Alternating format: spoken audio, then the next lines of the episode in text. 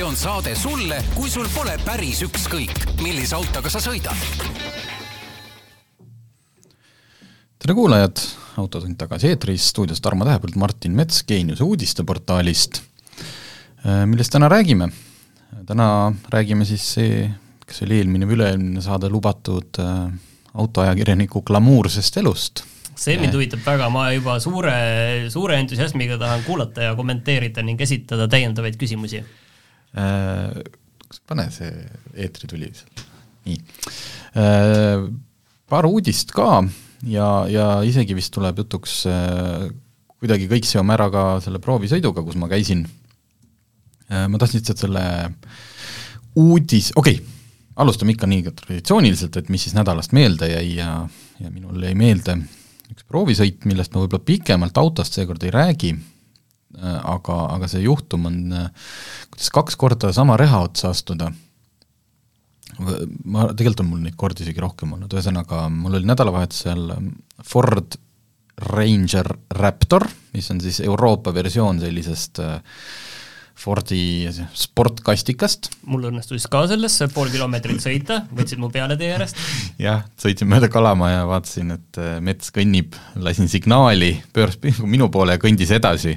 mis su peast läbi käis sellel hetkel? sest see on ma selline, ütleme, see on silmapaistev auto. ei, ma ei saanud aru, mis sel tüübil viga on, et kas ta andis mulle signaali või mis häda on, aga selles, selle ma kirjutasin juba peas arvustuse ära selle poole kilomeetriga, et äh, ma saan aru, et kui väga trendikas toode on praegu äh, noortele need äh, arvutimänguri toolid, siis mm. see oli nagu selline suur arvutimänguri tool, mille ümber oli ka auto ehitatud ja see täpselt selline disain ja kõik täpselt selline nägi see välja, et värvid selline äh, punane, must, äh, sellised täpselt sellised värvilahendused, nagu see oleks disaininud üks neljateistaastane, et täpselt milline tema arvutimänguri tool võiks olla Fortnite'i mängides. no vot, aga ühesõnaga lisaks sellele, et kiire ja hea vedrustusega, siis tegelikult ka täiesti maastikuvõimekas äh, kastikas, sest tal saab äh, mõlemad, äh, mõlemad sillad lukku panna ja ühesõnaga kõik on väga hästi. ja läksin oma traditsioonilist suusamatka saateautot tegema, mida ma olen siin juba vist neli aastat, erinevate, iga aasta läheb pinge aina suuremaks juba, noh, see on sama seltskonna matk alati, et noh, millega siis nüüd Tähepõld tuleb seekord, pinge on suur, seekord läks hästi, sain Raptori. aga eks ma olen siis palunud seal ka korraldajatel panna mõni punkt ikka noh, sellist kohta, kus mul sellest maasturist kasu ka oleks, et noh, lihtsalt äh, mingit külavaheteel inimestele teed ja küpsiseid viia, ma saaksin oma, oma Alfaga ka või mingi no, suvalise. mis teed siis seal nagu, et kui kõik läheb määritama tead, see on, ei, see on selline noh, äh, ka see, aga see on ikkagi noh, natuke nagu tsiviliseeritud matk, et, et ikkagi iga mingi teatud kas viie või küm-, härrasmeeste ja, ja daamid on ka kaasas matk, et äh, et noh, et jah, et kellel tõesti, kas hakkab seal jalga hõõruma või et saaks ikkagi niimoodi soo-, ei pea kotti kaasas tassima, ja siis mina olen vaheaja punktides kaasas, kus siis pakun head-paremat ja saab seal, kes tahab oma mingi kotist midagi võtta. okei okay,, ja palusin siis ka seekord, et ikkagi mõni punkt oleks selline, kus ma saaks nagu oma Raptorit proovida ka. väga hästi sattus. ja kusjuures naljakal kombel ma see nädalavahetus avastasin, et Google näitab, Google Maps näitab mingeid teid, mis okei okay,, noh et kas, kust ta need võtab, kas see on siis, et see on ametlikult kuskil Maa-ametis teena kirjas, kuigi see üks tee konkreetselt lõppes kellegi hoovis? inimene oli ka väga sõbralik inimene, küsin, kas siit nagu mida, noh, et kas sinu aia tagant, ei, et noh, siit, siit ei lähe mitte ühtegi teed ja Google Mapsi peal on selgelt niimoodi, nagu sealt noh, hoovist sõidaksin edasi, peaks olema veel mingi tee. aga ei, oota, ma lihtsalt ütlen nüüd vahele, et äh, neid Google Mapsi neid metsavaheteid, neid ei tasu absoluutselt äh, usaldada, sellepärast et minul on näiteks äh, suvila juures äh, noh, seal pole suvilat, aga seal on maa, et selle maa juurest äh, läheb äh, tee, pikk sirge tee, selline kunagine siht suvila rajoonist tõmmatud ja seda teed ei ole Google Mapsis ta ühelt poolt lõpeb ära ja seal on nelisada meetrit vahet, noh, Maa-ametis igal pool Eesti kaartidel on see tee olemas, Google Maps'is seda teed ei ole. Okay.. et, et väga ja, ja samas huvitav. on seal teed, mida ei ole ja see on täiesti nagu tee, see ei ole nagu metsasiht, see on mm. täiesti tee ma olen alati nii Google Maps'i usaldanud ja nüüd siis selline, sellise, sellised vitakad. metsa vahele, siis läheb asi ikka käest ära. okei okay,, aga see punkt, mis pandi maha, oli väga mõnus ja kuna Saaremaa ju oli ka siin kannatas, äh, ma seal ühe tuttavaga rääkisin, ikkagi noh, Birgit tegi ju seal, äh, millal see oli, detsembris või novembris, ikka väga puhta töö, ja, ja siin on ka teisi torme olnud, nii et see metsatee, ta ei olnud paksu lume all, ta oli väga mõnusasti läbitav, sai ukerdada, aga need maha langenud oksad ja puud, mitte suured puud, aga täpselt sellised, et mida sa üksi siis seal noh, eks sa enam-vähem vead eest ära, aga mis mu viga oli? juba teist aastat järjest sattusime, et ma ei võtnud saagi kaasa ja mul ei olnud labidat kaasas. eelmine aasta läks mul vaja mõlemat, nii la-, saagi kui labidat, mida mul ei olnud kaasas. tuli rohkem käsitööd teha, see aasta oli ainult saag, et äh, nii harva, kui Eestis saab off-road'i teha sellisel nagu legaalsel noh niimoodi, et ma ei trügi kellegi eramaadele või ei, ei riku noh niimoodi, ja, ja ka siis ma suudan endale, noh lihtsalt iseendale tekitada probleeme, mille oleks saanud lahendada kodus lihtsalt niimoodi natuke läbi mõeldes. ja miks ma seda räägin lihtsalt teistele, et kui te lähete natukenegi täna, eriti talvisel ja sellise tormide ajal metsateedele sõitma, see ei pea olema üldse mingine raju maasturisõit, neid oksi ja asju, mis teele jääb, on palju, lisaks labidale visake autosse ka käsisaag. või noh, kui sa oled niisugune jõukam inimene, siis ostan omale see aku, väike akumootorsaag, aga ühesõnaga aga Raptorist räägime siis eh, mõni teine päev nii, aga eh, minu teema ei ole üldse minu endaga seotud, vaid eh, mul jäi silma, et kaks asja ja viiendal veebruaril politsei sai kätte siis nelikümmend üheksa alko- või narkojoobes juhti Eestis, tegelikult on ikkagi hämmastavalt suur hulk, arvestades seda, et kui nelikümmend üheksa saadakse kätte, et palju siis neid tegelikult meie teedel on. ja sellega seoses mul tuli meelde see, seal on küll kirjas, et palju oli seda kriminaalset joovet üle ühe koma viie promilli. Aga sellega seoses mul tuli meelde see, et sina käisid jälle kuskil äh, välisreisil, mis on meil saate läbiv teema täna, ja, ja sa rääkisid Läti kohta väga huvitava loo, et äh, seal ikkagi nalja sellise asjaga ei ole seda ma ei ole kirjutanud, teinud päringut Läti mingitele seadusandjatele, selle info rääkis mulle Läti autoajakirjanik, ütleme, džinntooniku klaasi taga, aga ma nüüd kardan, noh eeldan, et ta ei mõtle sellist asja välja, tõepoolest, Lätis on niimoodi, et kui sa üle ühe koma viie promilliga vahele jääd, siis nägemist auto. Ja ta rääkis mulle sellepärast see on nagu hetkega kohe, et Eestis tegelikult on ju ka see väitis Eestis võetakse ka ju auto ära, aga see ei pruugi olla ju nagu esimesel korral, et kuidas täpselt, ma isegi täpselt ei tea, mis hetkel Eestis ära võetakse, sest noh, PPA ju äh, kas või Osta ees oli kunagi täis neid kõiki neid autosid, mida nad ju ja müüvad. vot nii väga täis ei olnudki ja seal on ikkagi see, et sa pead olema ilmselt väga korduv rikkuja ja siis trahve võlgu ja kõik siis lihtsalt just, aga Lätis pidi olema ilma hoiatuseta ja probleem pidi siis olema selles, et äh, politseil ei ole neid kuskilt panna enam, noh et eks neid äh, ilmselt võib-olla kohe oksjonile ei saa panna või ei taheta, ühesõnaga me see, ma selleni, sellest ei saanud täpselt aru, et miks neid siis maha või miks neid nii palju, aga seal nalja ei ole jah, et ma ei tea, kas see asi nüüd peaks Eestis, äh, sest üks koma viis on noh, sa pead ilmselt olema ikkagi hommikul kell kuus joomise lõpetanud ja siis kell kaheksa rooli istuma, et jääknähtudega üks koma viis kätte saada et see on, see on ikkagi korralik, korralik joove. jaa, no see on ikkagi teadlik valik. see on teadlik valik jah, tähendab et... mingis mõttes ilmselt paljudel ta enam ei ole enam ta ei ole teadlik valik, küll aga jah, et see ei ole selline, et oi, et eile õhtul tegin saunas kaks õlut liiga palju. ja sellega seoses tegelikult veel, sa rääkisid veel edasi, et et aga mis siis, kui sul on firma auto, see ei ole sinu auto, seda ei saa ja. nagu ära võtta ettevõttelt, on ju ja mis see mu vastus oli, ma isegi nüüd ei mäleta sa, sa ütlesid seda, et siis tuleb pooles ulatuses auto väärtus kinni maksta. ja, ja et äh, ja kujuta ette, et me teame ju, et Soomes on see, et äh, see trahv, mille sa saad näiteks kiiruse eest, on sinu sissetulekul põhinev. ehk siis rikkad, äh, seal on rekordeid, on, kes see kunagine Nokia juht, ühesõnaga mingid on maksnud ja. sadu tuhandeid trahve, sest et nende sissetulek on nii hea. et mõtle, kui sul võetakse auto ära sinu auto või isegi kui see firma, noh, sul on selline Lamborghini uurus ja oled nii kõva mees, et läksid sõitma ja hommikul sul ei ole enam Lamborghini uurust. Äh, muidugi sul võivad olla väga head advokaadid, et äh, seda osa ma nüüd ka ei tea, et kui tihti need asjad siiski, võib-olla ka sellepärast politsei neid kohe ei saa maha müüa, et seal on ikkagi mingi vaidlustamise aeg ja siis saab teha veel ekspertiise ja aga selline karm kord, et äh, nüüd võib mõelda kas me tahaksime, et Eestis ka nii oleks? aga kas sa tahaks, et Eestis oleks niiviisi, et trahvid oleks seotud sissetulekutega? ei.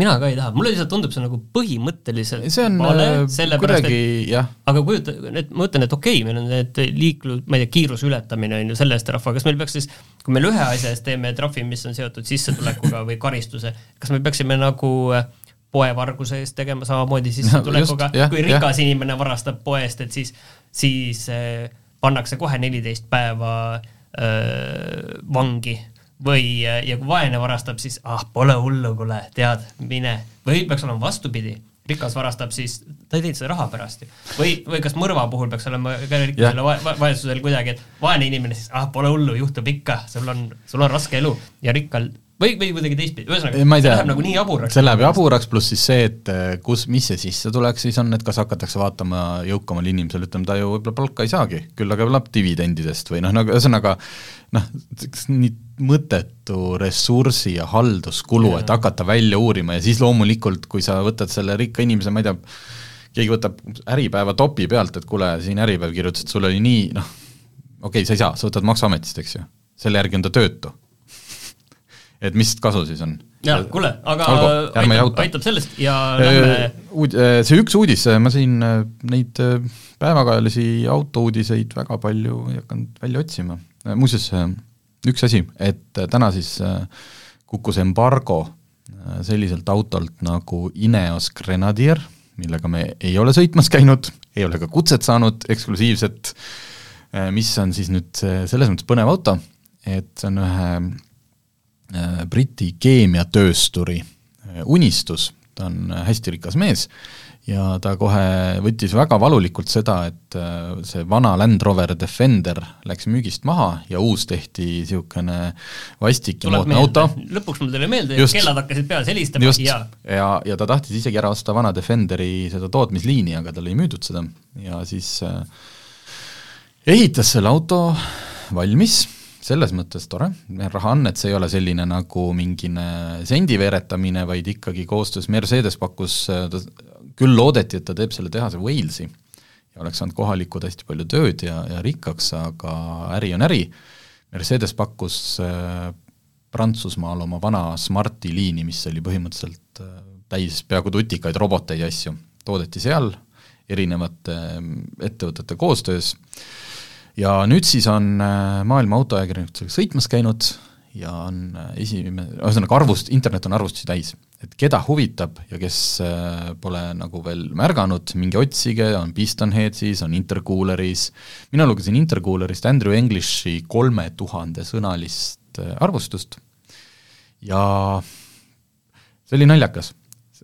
Sel autol on BMW bensiini- või diiselmootor, selles mõttes noh, okei okay,, isegi see käigukang on täpselt nagu bensiini oma. ta ei ole manuaalkast, kui siin puristid mm. nagu mõtlevad, et sul on nüüd siin vana, väga vana Defender, ei ole äh,. Hästi palju äh,, seal on ju nuppe, on laes, on armatuur laua peal, aga mida, no ühesõnaga, need on küll eeltootmismasinad, aga põhiline, mis Andrew Englishi arvustust mulle jäi kõrva, auto on jumala vigane, et tal pidi olema nii palju asju, mis sellel autol noh, umbes koja, saad aru, sul on rajumaastur, mis, mis peaks mõeldud olema Inglismaa sellistele farmiteedele, nüüd seda tööd tegema tea, teeb suusasaate autoks ah?. suusasaate autoks. suusasaate autoks, väga hea.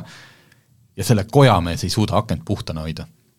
või et aer-, aerodünaamika on selline, et kui sa sõidad mudasel teel, siis kogu su küljeakna pritsib esiratas mudaseks, aga seal ju ei ole kojameest pluss siis noh, mingid asjad, kuidas dihvrilukk ei lähe hästi sisse ja sa pead seal nõksutama ja ootama ja siis ja kuidas üldse need dihvrilukku nupud asuvad äh, kuskil laes, noh, mis on küll kihvt, näeb välja nagu lennuk ja kõik, aga kui sa oled kuskil mööda mudast nõlva alla libisemas ja sul oleks kiiresti vaja natuke vedu taha saada, siis on võrdlemisi ebamugav. ühesõnaga, tundus nagu ühtepidi nagu virin, et äh, mitte virin selles mõttes Andrew English ei virise, vaid ta on ikkagi kogemustega ajakirjanik ja kirjeldas seda, mida nägi, mis oli väga tore. et ei olnud sellist paduvaimustust. aga teistpidi mulle nagu kõlab, et noh, asjad on nagu, ei tööta ja kõik see ongi ju nagu vana, mingi no, vana tõsi, maastur, et ja. seda te ju tahtsite. et kui te ei taha seda moodsat, muidugi seal ekraan ja juhiabi, noh, juhiabist on vähe, aga see ekraan peab olema ikkagi ka BMW oma, et kõik see asi töötaks et siis äh, nüüd ongi teil Ineos Grenadier, noh kindlasti mingid asjad parandatakse ära, et äh, sellised sõidud ongi vajalikud, et, et kõik, kõik, kõik vead jõuaks tehaseni, tootmisautode klaasipuhastajad, ma eeldan, hakkavad tööle. kas ja kuidas seda autot Eestisse oleks osta, võimalik kindlasti on, sest et see ei ole nüüd ainult brittide mingine, sellest tuleb ikkagi päris suure toodanguarvuga auto. Et äh, kindlasti saab seda mingite Saksamaa esinduste kaudu ja ootame huviga, millal esimene Ineos Grenadier Eestisse jõuab ja loodame, et saame ka sellega kuidagi sõita. aga minge lugema. Äh, selles mõttes, et miks ma seda soovitan, on, et selliseid uusi ja huvitavaid autosid äh, tuleb harva küllap noh, tavaliselt tehakse mingi üksik superauto kuskile ringrajale, noh kihvt, aga sellest peaks saama tegelikult noh, mitte nüüd massiauto, aga sisuliselt uus autotootja on äh, tulnud turule. aga üks väga-väga oluline ja kihvt uudis eilsest päevast, ehk siis täna on meil kaheksas, äh, seitsmendal või oli see kuuendal, mina ei tea, aeg lendab, veebruaril anti teada, et Martin Rump, kes eelmisel aastal esimese eestlasena osales Le Mani kahekümne nelja tunni sõidul, on nüüd saanud uued tiimikaaslased. Ja ta on äh, uues tiimis, osaleb selles Euroopa Le Mani seerias, äh, hetkel ei ole kinnitatud, kas ta osaleb ka sellel suurel kahekümne nelja tunni sõidul, kuigi ma ei näe põhjust, miks ei peaks, aga seal maailmas keerlevad need rattad ilmselt teistmoodi, aga kellega Martin Rump koos sõitma hakkab? kuulsa Porsche tehasesõitja Richard Leedsiga, kellel on paar äh, Le Mani kahekümne nelja tunni sõiduvõitu ka hinge all, kui ma siit Vikipeedia nüüd ei valeta, siis kaks tuhat kolmteist on ta ka Porsche üheksa üks üks RSR-i roolis võitnud. Äh, ja vist ka kaks tuhat kakskümmend kaks. aga võib-olla siis äh, teine nimi on loomulikult veelgi kõlavam, sest teine nimi on Michael Fassbender. Saan aru, et tegemist on äh, keskea kriisis näitlejaga. äh, tegemist on siis ühega keskea kriisis näitlejatest, sest ka äh, neid teisi äh,, kes see on see, kes mängis selles Grey Anatoomias ühte näitlejat, tal on kindlasti ka olulisemaid rolle, kes on ka tuntud võidusõitja, ühesõnaga Michael Fassbender, Hollywoodi näitleja, Iiri päritolu, kes nüüd neli aastat on Porsche teinud ka YouTube'i täiesti tasuta sellist seriaali, Road to Le Mans, kus Michael Fassbender ongi, ongi jälgitud tema nii-öelda teekonda, kuidas saab noh, ilmselgelt pidi tal olema teatud autohuvi ja oskus nagu ennem ka, et mingit ilma lubadeta tüüpi tõenäoliselt ei võetud neli aastat tagasi, ma ei ole täpselt selle arenguga kursis.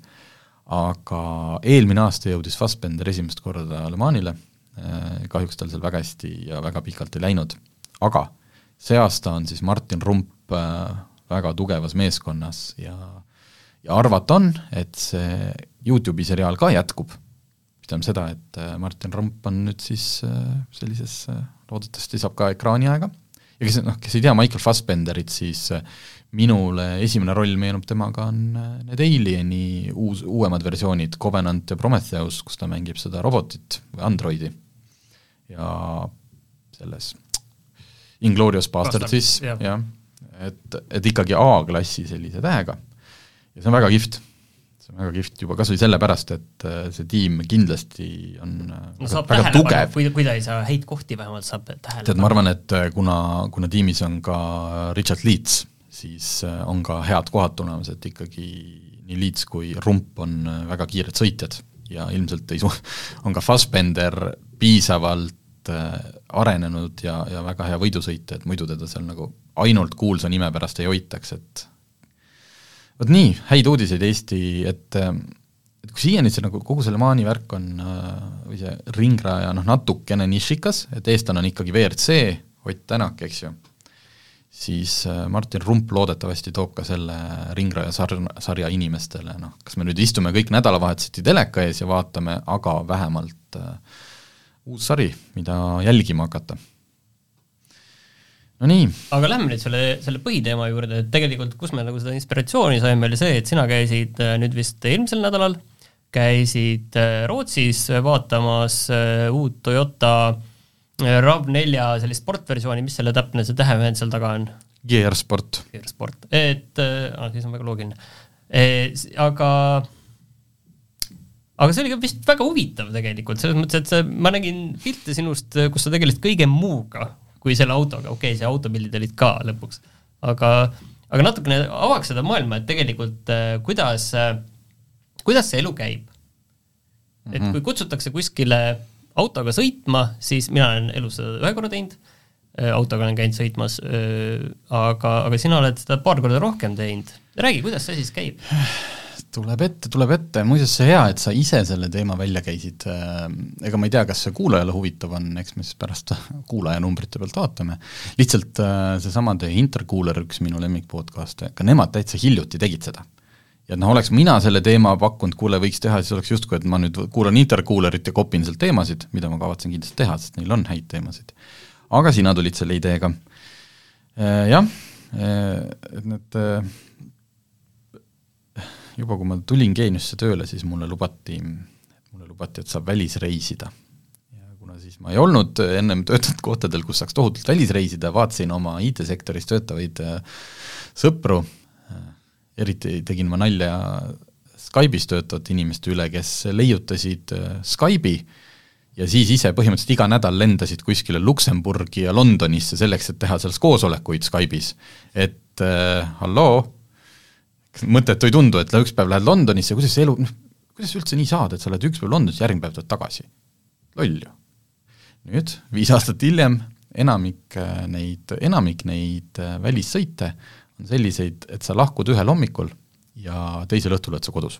see on tegelikult võib-olla see fundamentaalne asi on see, et äh, kui mina olin veel selline tehnoloogiaajakirjanik, siis äh, siis aeg-ajalt äh, kutsuti meid ka kokku, et tulge nüüd siia Londonisse ja siin näidatakse av-, noh, ongi nagu esmaesitlus mm, -hmm. selles mõttes, et Unboxing. kõik, jah, et kõik näevad seda telefoni esimest korda, mitte nii, et praegu autodega on seda vist suhteliselt harva, et okei okay,, et nüüd näidatakse üldse, et milline see uus auto on, täiesti sellist asja ei ole, et need asjad tilguvad nagu niiviisi jupikaupa ja nii edasi, et et võetakse kate maha ja siin on need asjad, et võib-olla midagi natukene mitteametlikult lekkinud, aga ametlikult nagu täitsa null. Tänapäeval siis asju praktiliselt enam üldse ei tehta, et lihtsalt ei, ei kutsuta, et kuskile tule telefone või sülearvuteid vaatama kuskile. aga millal see läbi sai, kas see sai koroonaga läbi ja ei tulnud tagasi? juba, juba enne, et noh, see on hästi juhuslikult hästi vähe, et mõned ettevõtted seda niiviisi teevad veel, aga, aga autode puhul ma saan selles mõttes sellest aru, et kui sul on äh,, sul on lihtsam kutsuda inimesed kohale seda autot proovima ja sellega sõitma kui see, et okei okay,, et me saadame selle auto teie juurde, on ju. et, et, et selles mõttes ma saan, noh, telefon, telefone saadetakse meil ikka, on ju, ja, ja mis siis ikka, telefonid ei ole enam ka nii põnevad, on ju. aga autode puhul on see, et jah, seal on see loogika olemas, meil on siin kuskil mm, Mallorcal on meil siin viisteist Opel Astrat, et eh, nüüd kutsume kohale tavaliselt siis kaks korda rohkem äh, autoajakirjanikke mm -hmm. ja siis äh, kahe peale saate ühe auto ja minge sõitke ja õhtul pakume restoranis einet. aga ma saan aru, et mis nagu huvitav ongi see asja juures see, et kuida-, kuidas ma saan aru, eriti sinu jutust, need üritused on nagu sellest, see autosõit seal fookuses nagu koob aina ära ja seal väga oluline on see, et kuidas nüüd ikkagi neid äh, kalleid autoajakirjanikke poputada ja, ja neile ikkagi üks, üks, üks väike selline, väike meeldejääv õhtu ikkagi korraldada mm okei okay., jaa, see, et miks autode niimoodi välismaal tutvumine on loogiline, on ka see, et vaata automüügi see periood on palju pikem, see tähendab seda, et kui mina käin kuskil millegiga või keegi kolleegidest sõitmas, kirjutan arvustuse, siis noh, inimene juba saab selle pealt minna tellima, sest võib-olla see auto ta saab nagunii alles nelja-viie kuu pärast kätte. noh, iPhone'i või, või mingi sülearvuti puhul on nelja-viie kuu pärast juba järgmine mudel tulemas. et on põhjust neid kutsuda nii, aga kui sa nüüd ütled, et, et kõik muu käib sinna juurde, siis ma vähemalt kahjuks või õnneks nendel üritustel, kus mina käin, siis tegelikult, tegelikult ei käi. on olnud üksikud üritused, kuhu on hästi palju ümber ehitatud mingit muud asja ja auto on justkui nagu selline kõrvalprodukt, kas see peaks näitama seda, et tegemist on nagu sellise elustiiliga, nüüd me näitame sulle seda elustiili, kuhu see auto peaks sobima, või ei ole seal mingit seost? seal ei ole mingit seost. Äh, kui me nüüd räägime siis sellest viimasest üritusest, mille pealt sul see teema tuli, oli Rootsis, oli seesama Gearsport. ja see algas siis sellega, et me jõudsime sinna kahe lennuga sinna Luuleasse kohale, mis on mitte päris Põhja-Rootsi, aga ikka noh, ütleme kesk, keskpunktist niimoodi natuke ülespoole, Botnia lahe ääres. ja algas sellega, et siis pandi meid bussi ja sõidutati sinna saarte vahele jäälõhkuja peale, niisugune väike jäälõhkuja, mitte mingi suur, mitte, ei olnud Tarmo mõõt, oli selline pigem selliste kohalike teede lahtiajamiseks. sõitsime jäälõhkuga välja, väga ilus oli, päike paistis, siis äh, anti meile selga need, äh, mul üks tuttav ütles, merepäästja, et äh, selle nimi on teletupsuülikond. selline põhimõtteliselt nagu neopreenist, aga tohutu paks, mitte mingi kalipso, vaid sa ikkagi oledki noh, selline nagu mõmmi ja siis saad vette hüpata sellega, noh siis ulbid seal jääpankade vahel, tõesti, ei mingit autot veel siis äh, sealt tulime ära, siis muidugi anti jälle süüa ja, ja siis äh, tühja kõhuga inimesed on tigedad ja tühja kõhuga inimesed on tigedad. ja ega siis sinna päeva palju rohkem ei mahtunudki. Aga... üks tööpäev läks nii. ei, tegelikult äh, ühesõnaga selle kahepäevase ürituse sisse siis mahtus ikkagi veel ka hommikune koerarakendisõit, et meid viia autodeni. Ja siis sinna mahtus ka, äh, mahtus ka, kuidas ma ütlen, mm, mootorsaanidega. Veel niimoodi, et kui sa jõudsid siis nende autodega sinna lõpp-punkti, siis veel mindi nagu mootorsaanidega viimane mingi viis kilomeetrit üle jää, millele ma ei osalenud, sest et seal ei olnud igalühel oma mootorsaani ja asi, mida ma ei tee, ma ei istu äh, ilma katuseta asjadel nagu taga, no ühesõnaga ma ei, see ei ole mingi selline macho värk, et nagu, et minge pekki, mina ei istu siin kellelgi, ei hoia ümbert kinni, vaid mul lihtsalt ei meeldi ja ma tunnen ennast ebamugavalt, kui, kui ma pean seda tegema. Ja pärast, kui meie läksime järgmine päev ära, siis kuna lätlaste lennuk läks hiljem, siis neile tehti ka veel eh, hovercrafti ehk siis hõljukisõit seal saarte vahel, nägid seal hüljest ja nägid põhjapõtra. aga eh, nii see jäälõhkuja kui ka see hovercraft oli pandud äh, programmi äh, Toyota sõnul sellepärast, et lihtsalt need lennuajad olid sellised, muidu ma oleks lihtsalt passinud. passinud, muidugi, äh, ütleme töö, tööandja pigem ma naudiks seda, ma ütlen, ma naudiks seda passi, okei okay,, võib-olla ei noh, tööandjale, mis see passimine tähendab seda, et kui sa oled seal noh, tegelikult tööajas, siis ma peaksin ju läpaka lahti võtma, hakkama tööd tegema. et sulle see, muidugi sa eelistaksid seda, kui aga, aga mina siiski otsustasin jäälõhkuja kasuks aga neid asju ei ole palju olnud, vähemalt minul, äh, minu kogemus on nüüd siis jah, natuke üle viie aasta, mille, mille sisse jääb kahjuks, eks ju, kaks koroona-aastat, kus peaaegu ei toimunudki midagi, et ma olen nagu alles nüüd saanud selle enam-vähem selle, selle ree peale, sest et alguses me olime ju uued ja noored ja ega meid keegi kuskil ei kutsunud. aga, aga selles mõttes see Toyotaga sai siis sõita ka ikka? jaa, selles mõttes oli väga pikk sõidupäev oli ja väga erinevatel teedel ja ja sellised, äh, las need kõrvalasjad jäävad, tegelikult seda, seda rooliaega on seal enamikel üritustel väga palju, ma pärast räägin ka üritustest, kus ei ole rooliaega palju. Äh, äh, sul ikkagi antakse, siin viimane, kus ma käisin, see Opel, millest ma rääkisin eelmises saates, meil oligi väga pikad mingid mägiteed ja me sellesama lätlasega, kes mulle nendest autojuhi, autode äravõtmisest rääkis, noh, ega see seal ei kihuta väga, sest ta ei julge, mina olen alati, kui ma kõrval istun, siis ma olen ka sihuke hästi halb autokaaslane, siis ma ütlen niimoodi kohe, et ära sõida nii kiiresti, pärast oli süda ikka päris paha. Et sa, sul on seda rooliaega noh, ikka tunde, tunde ja tunde, tavaliselt see algab niimoodi hommikul hästi vara, mingi seitsme-kaheksa paiku juba antakse autod kätte, äh, navigatsiooniseadmetesse on ruudid maha märgitud, enamjaolt sa võid valida ka mingi oma teekonna, lihtsalt öeldakse, et et ma ei tea, kell kaksteist on seal lõuna, et seal näiteks vahetatakse autosid, et ole kindlasti kohal. ja siis pärastlõunal jätkatakse jälle järgmise kas siis ööbimiskohta või tullakse ringiga tagasi. mida küll äh, alati tehakse või noh, mis mul on nagu siiamaani kogemus, et äh, need kohad, kus see toimub, on muidugi jah äh,, ühtepidi arusaadav, miks nad on Hispaania, Lõuna-Prantsusmaa, on sellepärast, et seal saad ilmale kindel olla. kui sul on ikkagi mingit tavalist sõiduautot vaja testida, äh, siis äh, ja eriti, kui see langeb selline kas sügis või talv Euroopas no,, osad veel ju pildistavad ja just, ja seal noh, hästi palju teevad juba videot ja siis teha seda kuskil näiteks noh, Poolas või Eestis on ikkagi väga riskantne, muuseas seda Toyota üritust olla Eestisse kaalutud. aga üks põhjus oligi seesama, et sa noh, need ilmad, mis meil siin nüüd praegult on viimased aastad olnud, et noh, ei ole, ei ole väga head aga teine on see, et need majutused ja õhtusöögid on jah, jah, et mis ma salgan, see on ikkagi tavaliselt äh, mingid äh, luksuslikud, kas siis äh, veinihotellid või viie tärni hotellid ja need õhtusöögid on mitmekäigulised, need on väga peened, mis minu puhul on raiskamine, sest ma söögist suurt ei pea.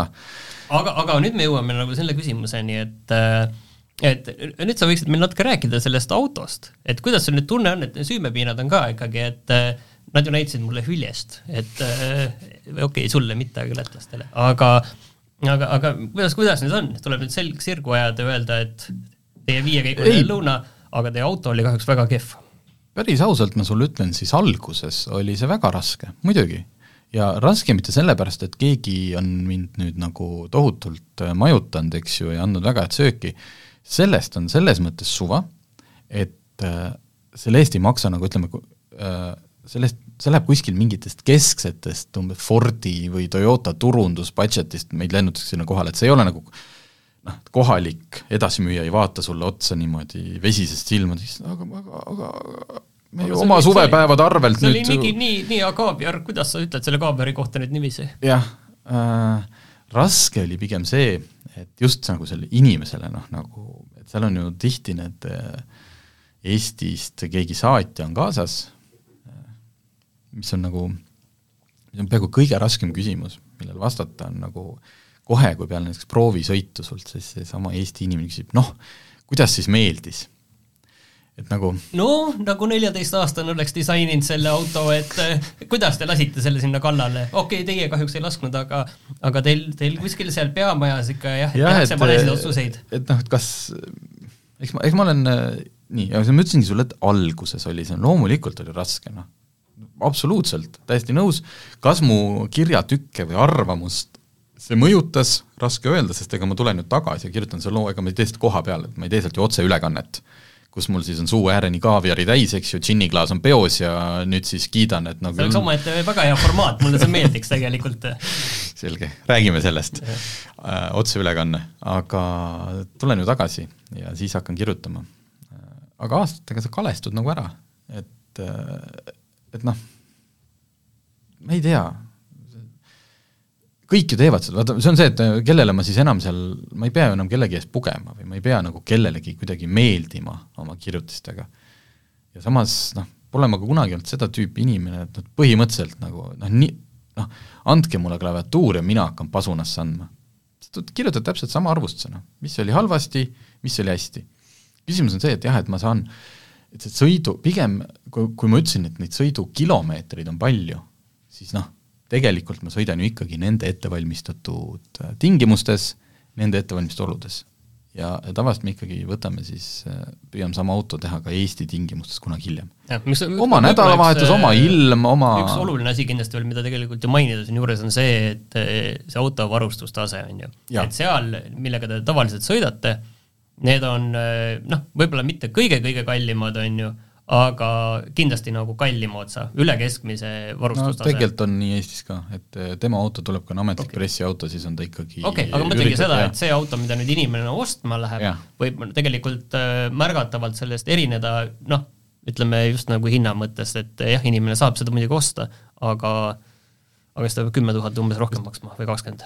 Ja noh, nüüd ongi küsimus, et, et äh, kui, kui eetiline kõik see on, et keegi maksab selle kinni ja mina lähen siis äh, söön neid peeneid roogasid ja ja elan selles äh, toredas hotellis, eks ju, noh, kuhu ma jõuan õhtul kell seitse ja hommikul kell seitse tõstetakse mind sealt välja või lihtsalt hakkab tööpäev pihta, et noh, otse noh, kohati on isegi nagu kahju, et sa lähed sinna tuppa, mine metsa, selli-, noh, eales elus sellist, ma ühe korra nägin ühe hotelli hinda, kuskil Lõuna-Prantsusmaal, see oli äh, üheksasada eurot oleks olnud. aga seal on muidugi nii, et äh, need autofirmad võtavad ju need kolmeks nädalaks, mis tähendab seda, et iga päev saabub uus grupp ja need autofirma inimesed ise elavadki seal kolm nädalat ja, ja elavad selles rutiinis, et hommikul noh, nii et noh, kõik käib niisugune, et ilmselgelt nemad ei maksa selle toa eest üheksasada eurot. kunagi ma olin äh, selle asjaga just väga ebaviisakas, sellepärast me käisime äh, Saksa välisministeeriumi kutsel käisime Saksamaal tutvumas seal mingi tööstusega ja nende ägedate firmadega ja käisime seal mingi kuus päeva läbi Saksamaa ja iga päev oli mingi viietäheni hotell ja mingi selline absoluutne lagi.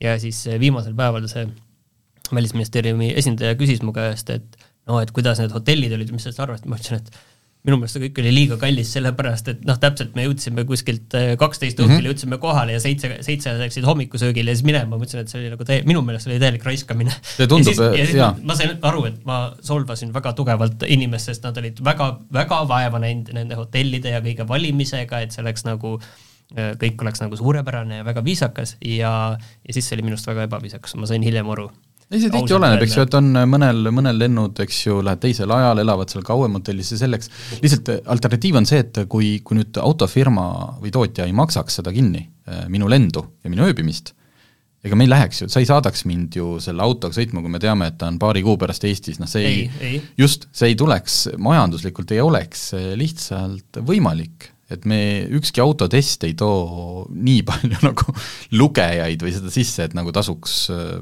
seda teha ja noh, kui ma nüüd päris ausalt ütlen, et kui, kui see kõik olekski noh, et ma peaks mingi nelja teise ajakirjanikuga kuskil hostelituba jagama, eh, ma ilmselt ei läheks ka. see peaks ikka väga-väga-väga eriline auto olema, et eh, nii ta on. ei pea olema, aga, aga see, niisugune, tõesti, mul, mul ei ole vaja viietärni. aga mulle piisab sellest juba, kui ma olen üks üksi toas ja alati oledki. aga öö kusjuures, okei okay,, ma ei hakka seda rääkima. Ei ole alati üksi olnud. Toas, aga minul ei ole vist äh, võib-olla see viie aasta jooksul äkki ei ole pidanud jagama, jah. kunagi oli üle book itud ja siis öö, äh, pidin äh, ühe lätlasega ühes voodis elama. mina pidin tuba see jagama viimasel sellesamal Toyota üritusel Urmo Aavaga, aga see oli ikka kaks eri tuba, selles mõttes oli sama nagu mökki, aga kuule, aga räägi nüüd autost ka. Eh, ei räägi, ma tahtsin rääkida ennem ju, ma lubasin, et ka noh, et kõik alati ei ole jahahah. kuigi ma ütlen, et ma lihtsalt saadet ette valmistades kirjutasin siis, et mis mu, mis mu nagu kõige kihvtimad üritused on olnud äh,, olen saanud ühe korra, eks ju, käia USA-s, mis oli tõesti, siis ma jäin ka sinna natuke kauemaks oma kuludega, siis see Rootsi RAV4, siis äh, üks Porsche ringrajapäev, mis Eestis? oli, ei, välismaal aa, see oli Poolas see oli, jaa, see oli selles mõttes ikka kihvt, et kus päriselt siis meid õpetati hästi palju erinevaid, hästi palju ringiaegu, sadas paduvihma, aga seda ägedam see sõit oli. Äh, järgmisel nädalal äh, lähen ma, kas, ma ei mäleta, kas see oli Euroopa või mis regiooni kõige kõrgemale ringrajale, mis on äh, Andorras vist või ühesõnaga kuskil seal Toulouse'i kandis nelikveolisi proovima. Ja siis muidugi ei saa mööda Rolls-Royce'ist, millega me saime Hungaru ringil sõita. aga selle kõrval on ka paar, paar teistsugust üritust meelde jäänud ja just sellepärast kõlavad väga huvitavalt, nii räägi. jaa noh, üks, äh, mis on üldse Eesti autoajakirjanike sellise viimase aja sõitudest, no ta oli tegelikult ammu, ta oli võib-olla mingi neli aastat tagasi. meid lihtsalt oli hästi palju sinna seekord, seekord kaasa võetud. Esiteks see lend, see oli, ma ei mäleta, mis ringrada, see ei olnud Varssavis, see oli ühes teises Rootsi või Poola linnas, kõigepealt pidi sinna väga kaua bussiga sõitma. nii, okei okay., siis oli hästi suur üritus, see oli Renault Megane RS, ja Alpine A sada kümme. noh, saad aru, kas sellised autod, mille peale ma olen, see ei ole mingi probleem sõita selle bussiga neli tundi, sellepärast et Megane RS ja Alpine A sada kümme ringrajal. ei, see oli ainult Megane, Alpine oli üks teine üritus, sorry. Megane RS ikkagi. Seal tehti veel äh, proovi, või tähendab, nii-öelda kõrval said sõita seal mingi päris võimsa ringraja autoga ja kõik. Jõudsime kohale, hästi palju teisi ajakirjanikke ka, mingid gruppideks jaotatud, teed esimese sõidu ära, kolm ringi, niimoodi, et esimene on siis tutvumisring, teine on siis natuke kiire ring, muidugi instruktor on ees, hoiab tempot ja kolmas ring oli pidurite jahutus. olgu, siis et ahah, ei, aga pärast tuleb neid ringe nagu veel, noh, see on, käib rotatsiooni korras. ja ei juhtu midagi ja ei juhtu midagi, istume seal ja sööme ja vaatame seda Poola päikest. ja siis tuleb teada, et juba hakkame vaatama, et meil ju buss läheb millalgi, et läksime rääkima, et äkki saaks meie nagu slotid ettepoole tõsta. ei, ei, siin on, meil on siin org-, everything is organized ja nüüd niimoodi ja siis oodake. ja siis tuli teade, et et Baltic Journalist, your boss, bus has arrived. ühesõnaga, buss oli kohal, sõitsime jälle, kas, kas, kas pika tee, sõitsime tagasi ja sõitsime koju. ja siis sõitsime kolm ringi Poolas Renault Megane RS-iga. noh, oli seda väärt asi oli seda väärt ja teine on see, et päris tihti kutsutakse static display üritustele see tähendab siis seda, et autoga ei saa sõita, aga autot saab vaadata, kas auto, mida saab vaadata, on päris auto või on see ka veel mingi, mingi siiamaani on moka? ikkagi, mina, mind on kutsutud päris autod, ma olen seal paar korda käinud, see on see, et äh, jällegi noh, et äh, see ainuke kord, kui ma käisin, oli see, tundus eriti nagu, kui me räägime siin ökoloogilisest jalajäljest, mis vabandust, minu, tänu minu sõitudele on ilmselt niisugune äh, hiiglaslik, et kutsuti vaatama ühte uut Dacia, Dacia Joggerit, mis on väga äge auto, aga siis ta just nagu avalikustati et Pariisis. et lend oli ka selline, et hommikul Pariisi, siis toimub see esitlus, tõmmatakse autolt kate, saad vaadata, sisse istuda, need nuppe näppida ja siis õhtul tagasi. ütlesin, et sorry, et ei, see kuidagi ei mahu minu noh, et sealt, sealt kuskilt ma tõmbasin oma selle rohelise maailma punase joone. et see on natuke totter, isegi sõita ei saa. ma kirjutan sellest. ja siis tuli paar nädalat, nagu mõned päevad hiljem, et äh, Pariisi, kaks, noh, ka nagu ük-, kaks päeva pärast seda Daciat, seal saab tutvuda uue Renault Meganiga, see Megane E-Tech, ka väga hea auto, jällegi ta oli ju aasta auto siin valimisel, hommikul Pariisi, õhtul tagasi. ütles, et kuulge, noh see, noh mitte, mitte nõudlikult, selles mõttes ma ei ülbitse, ma ikka hästi viisakalt, aga kas äkki nii saaks, et ma lendan nagu üks päev Pariisi, siis vahepeal olen seal lihtsalt, käin vaatan Louvre'is ringi. Oma kuludega jällegi, ja siis ülejärgmine päev lähen. Et nii, nii oli sellel asjal mõtet aga jah, et neid static display sid on ka mõnikord ja see tundub natukene nagu noh, see, see juba enam ei ole normaalne. ma arvan ka, et sellel nagu ei ole tõesti nagu mingit äh, mõtet, et okei okay,, sa tahad korra sinna sisse istuda ja noh, saad nuppe näppida, et mm, -hmm. et äh, ma eeldan, et vähemalt see on nagu äh, äh, auto vähemalt töötab selles mõttes, ta noh, mootor ei tööta, aga selles mõttes vool on sees, on ju, et sa saad vähemalt nuppe, on ju, näppida ja midagi juhtub, on ju, aga noh, see on ka kõik, saad näha, et kui suur on see see tahvel seal ekraan keskel ja, ja, ja see on ka noh. jah, ühesõnaga, kui see, see reisi teema kokku võtta, siis äh, ma äh, ühesõnaga, see formaat on selline aastakümneid olnud, see ei tähenda, et see peakski nii jääma, aga, aga keegi lihtsalt ja ka kui ma seda interkuulerit kuulsin, et seda teistpidi nagu noh, ei olegi võimalik lahendada. et siis lihtsalt, äh, siis lihtsalt ei toimugi neid eelnevaid pressisõite ja kõik ootavadki seda autot, kuniks ta jõuab vastavasse asukohariiki ja ainuke, mille pärast ma tunnen ennast alati halvasti, on seesama äh, jalajälg, et niimoodi, et üks õhtu lendad Euroopasse ja järgmine õhtu tagasi, et no, aga see lennuk lendaks niikuinii. no vot, ja nii me kõik seal istume, kõik need ärireisijad, et nagunii lendaks. nii, aga nüüd auto, auto., arvestades, nüüd on meil ka natukene sellist konteksti loodud kogu selle jutu ümber, mis sa hakkad rääkima, et äh, palun. Toyota RAV4 Gear Sport äh, see on siis äh, sportlikum versioon äh, Toyota RAV4-st, ei ole tegemist äh, sellise autoga, nagu on Gear Yaris või siis Ameerikas Gear Corolla, mis on päriselt tehtud rajuks, no ühesõnaga, tegemist ei ole sellise sportmaasturiga nagu ma ei tea, X4M või, või, või Cupra Formentor jõuallikas on täpselt sama, mis kas ta on nagu selline varustustase, natuke upgrade'itud varustustase? ta on var-, upgrade itud varustustase, nagu on Audil S-Line ja Mercedesel AMG, ma ei tea, kas Line või lihtsalt AMG disain ja BMW-l on M-Line äh, aga siiski on muudetud ka vedrustust. et äh, päris ainult kas nagu füüsiliselt muudetud või lihtsalt teistsugune vedrustus on selles mõttes, et ta on jäigem, ta on jäigem niimoodi äh, ja see oligi, alati on äh, ohtlik, kui autofirma otsustab, et hakkab midagi sportlikumaks ja jäigemaks tegema. Äh, kes teab, siis äh, James May alati nagu äh, oli, rääkis seda, et kui mingil autol on, et seda on testitud või arendatud Nürburgringil või mingi auto on mis iganes ringrada edition, siis on see tõenäoliselt tavaliikluses täiesti kohutav ja sobibki ainult sinna kuradi ringrajale siis selle Gear-spordiga äh, on õnneks mindud seda teed, et ta ei ole tehtud liiga jäigaks. Äh, Rootsis seal olid sellised natuke nagu, ma ei tea, nagu meil Lõuna-Eestis ka, et sellised tihedad nagu künkad, ma ei räägi nagu kruusatee mingitest aukudest, aga sellised tihedad künkad, kus auto nagu ja ta oli täpselt, et käis sealt august läbi, ta ei jäänud õõtsuma, aga, aga kui ka Urmo Aava seal ühe teise seltskonnaga, neid oli neli tükki autos, ütles, et ei löönud ka nagu raske auto ei löönud ka seda vedrustust, noh nagu mürtsakat ka ei käinud, kui sa sealt hooga üle panid.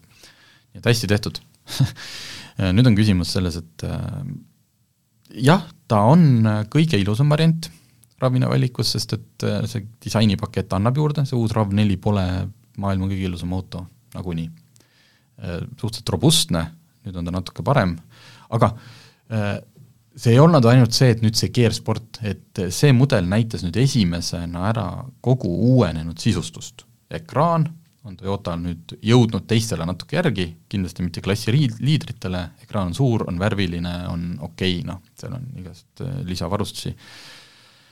Ähm, mis mulle ei meeldinud, on see, et ähm, äh, see autot saab ainult musta sisuga, mis on minu arust jura, mis on jura sellepärast, et see auto on väga kallis. ja mina olen heleda sisu fänn meeldib see või mitte, aga hele sisu jätab sellise hinnalisema mulje. ja ma saan aru, kui selle heledat sisu ei panda sellepärast, ja ma arvan, et põhjuseks see ongi, et noh, et sul on liin kuidagi, sul on, et sa optimeerid nii selle, selle auto tootmise ära, et niipea, kui sa hakkad midagi muutma hakkama, et sul sealt lama liini peal, eks ju, gearspordid, pagan, nüüd üks tahtis pagan seda heledat sisu, noh, me peame midagi, mingi roboti peame kuskilt ümber tõstma või või mingid paneelid teistsugused tootma põhjenduseks äh,, ma ei tea, kas ma mingis saates siin juba nagu räntisin, et põhjenduseks on see, et mis seal üritusel räägiti, pressi, pressikogunemisel, et autot saab ainult musta sisuga, sellepärast et äh, juht saaks keskenduda sõitmisele. noh siis võiks ka puutetundlikud ekraanid ära jätta. absoluutselt, minul on oma autol on hele sisu ja pole kordagi olnud sellist tunnet, et issand, ma pole kaks kilomeetrit normaalselt keskenduda saanud, sest mul on autol hele sisu okei okay,, aga hind ja see nüüd on, äh, eks me ikka siin aeg-ajalt imestame auto hindade üle, aga seda Gear Sport paketti saab ainult täishübriid nelikveoga. selles mõttes, et äh, odavamatele variantidele seda ei saa ja saab ka siis pistikhübriidile.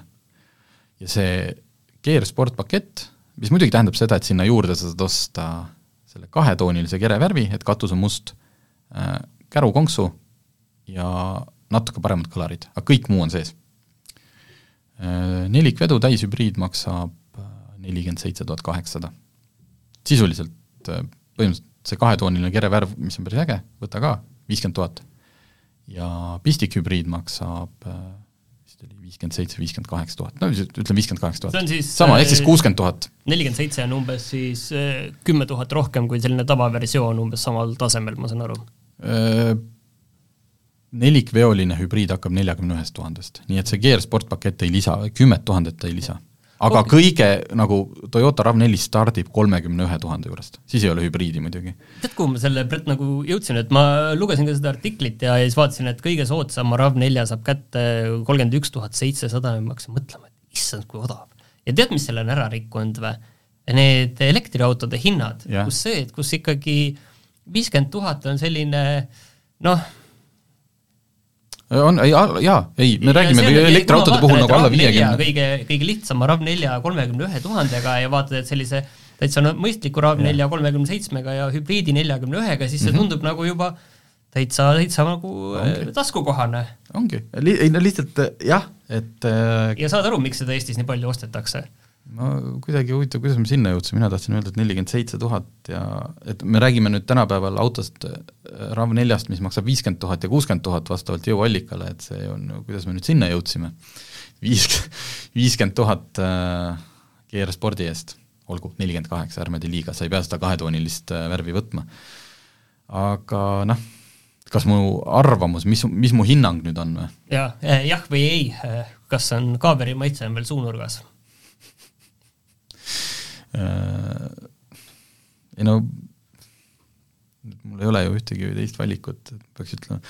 ta on hästi kallis jah, ei, kui sulle see kere, selle kerepaketi eest ja ma, ma, ma pigem siis ütleks, et osta see nelikveoline täishübriid, aga võib-olla sellest Gear Sport paketist, kuigi seal on ka teised paketid, Adventure, et ta ei ole nüüd niimoodi, et noh, igal juhul, kui sa paned sinna varustust juurde, et ega ka selle neljakümne ühega seda kätte ei saa nii, nii palju, kui ma välja lugesin, siis äh, võta pigem see tavaline RAV4. võta pigem tavaline RAV4 äh,.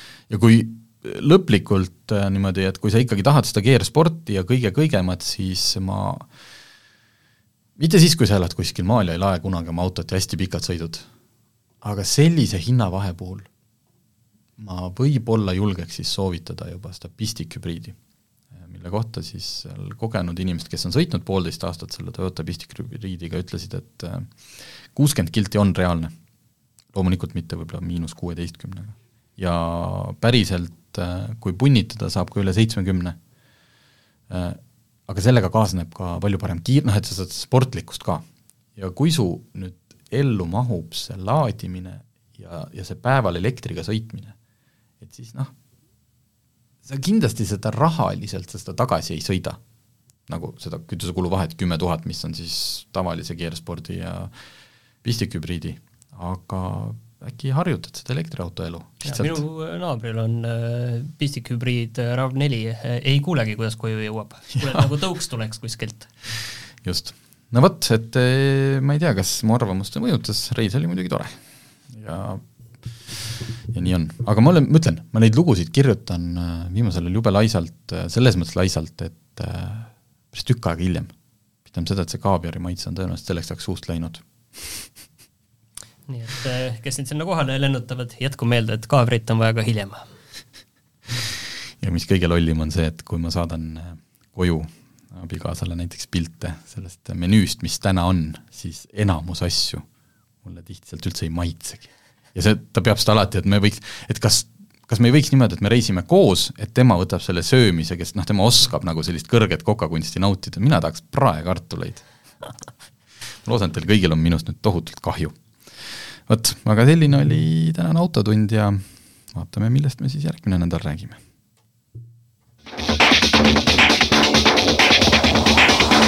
autotund see on saade sulle, kui sul pole päris ükskõik, millise autoga sa sõidad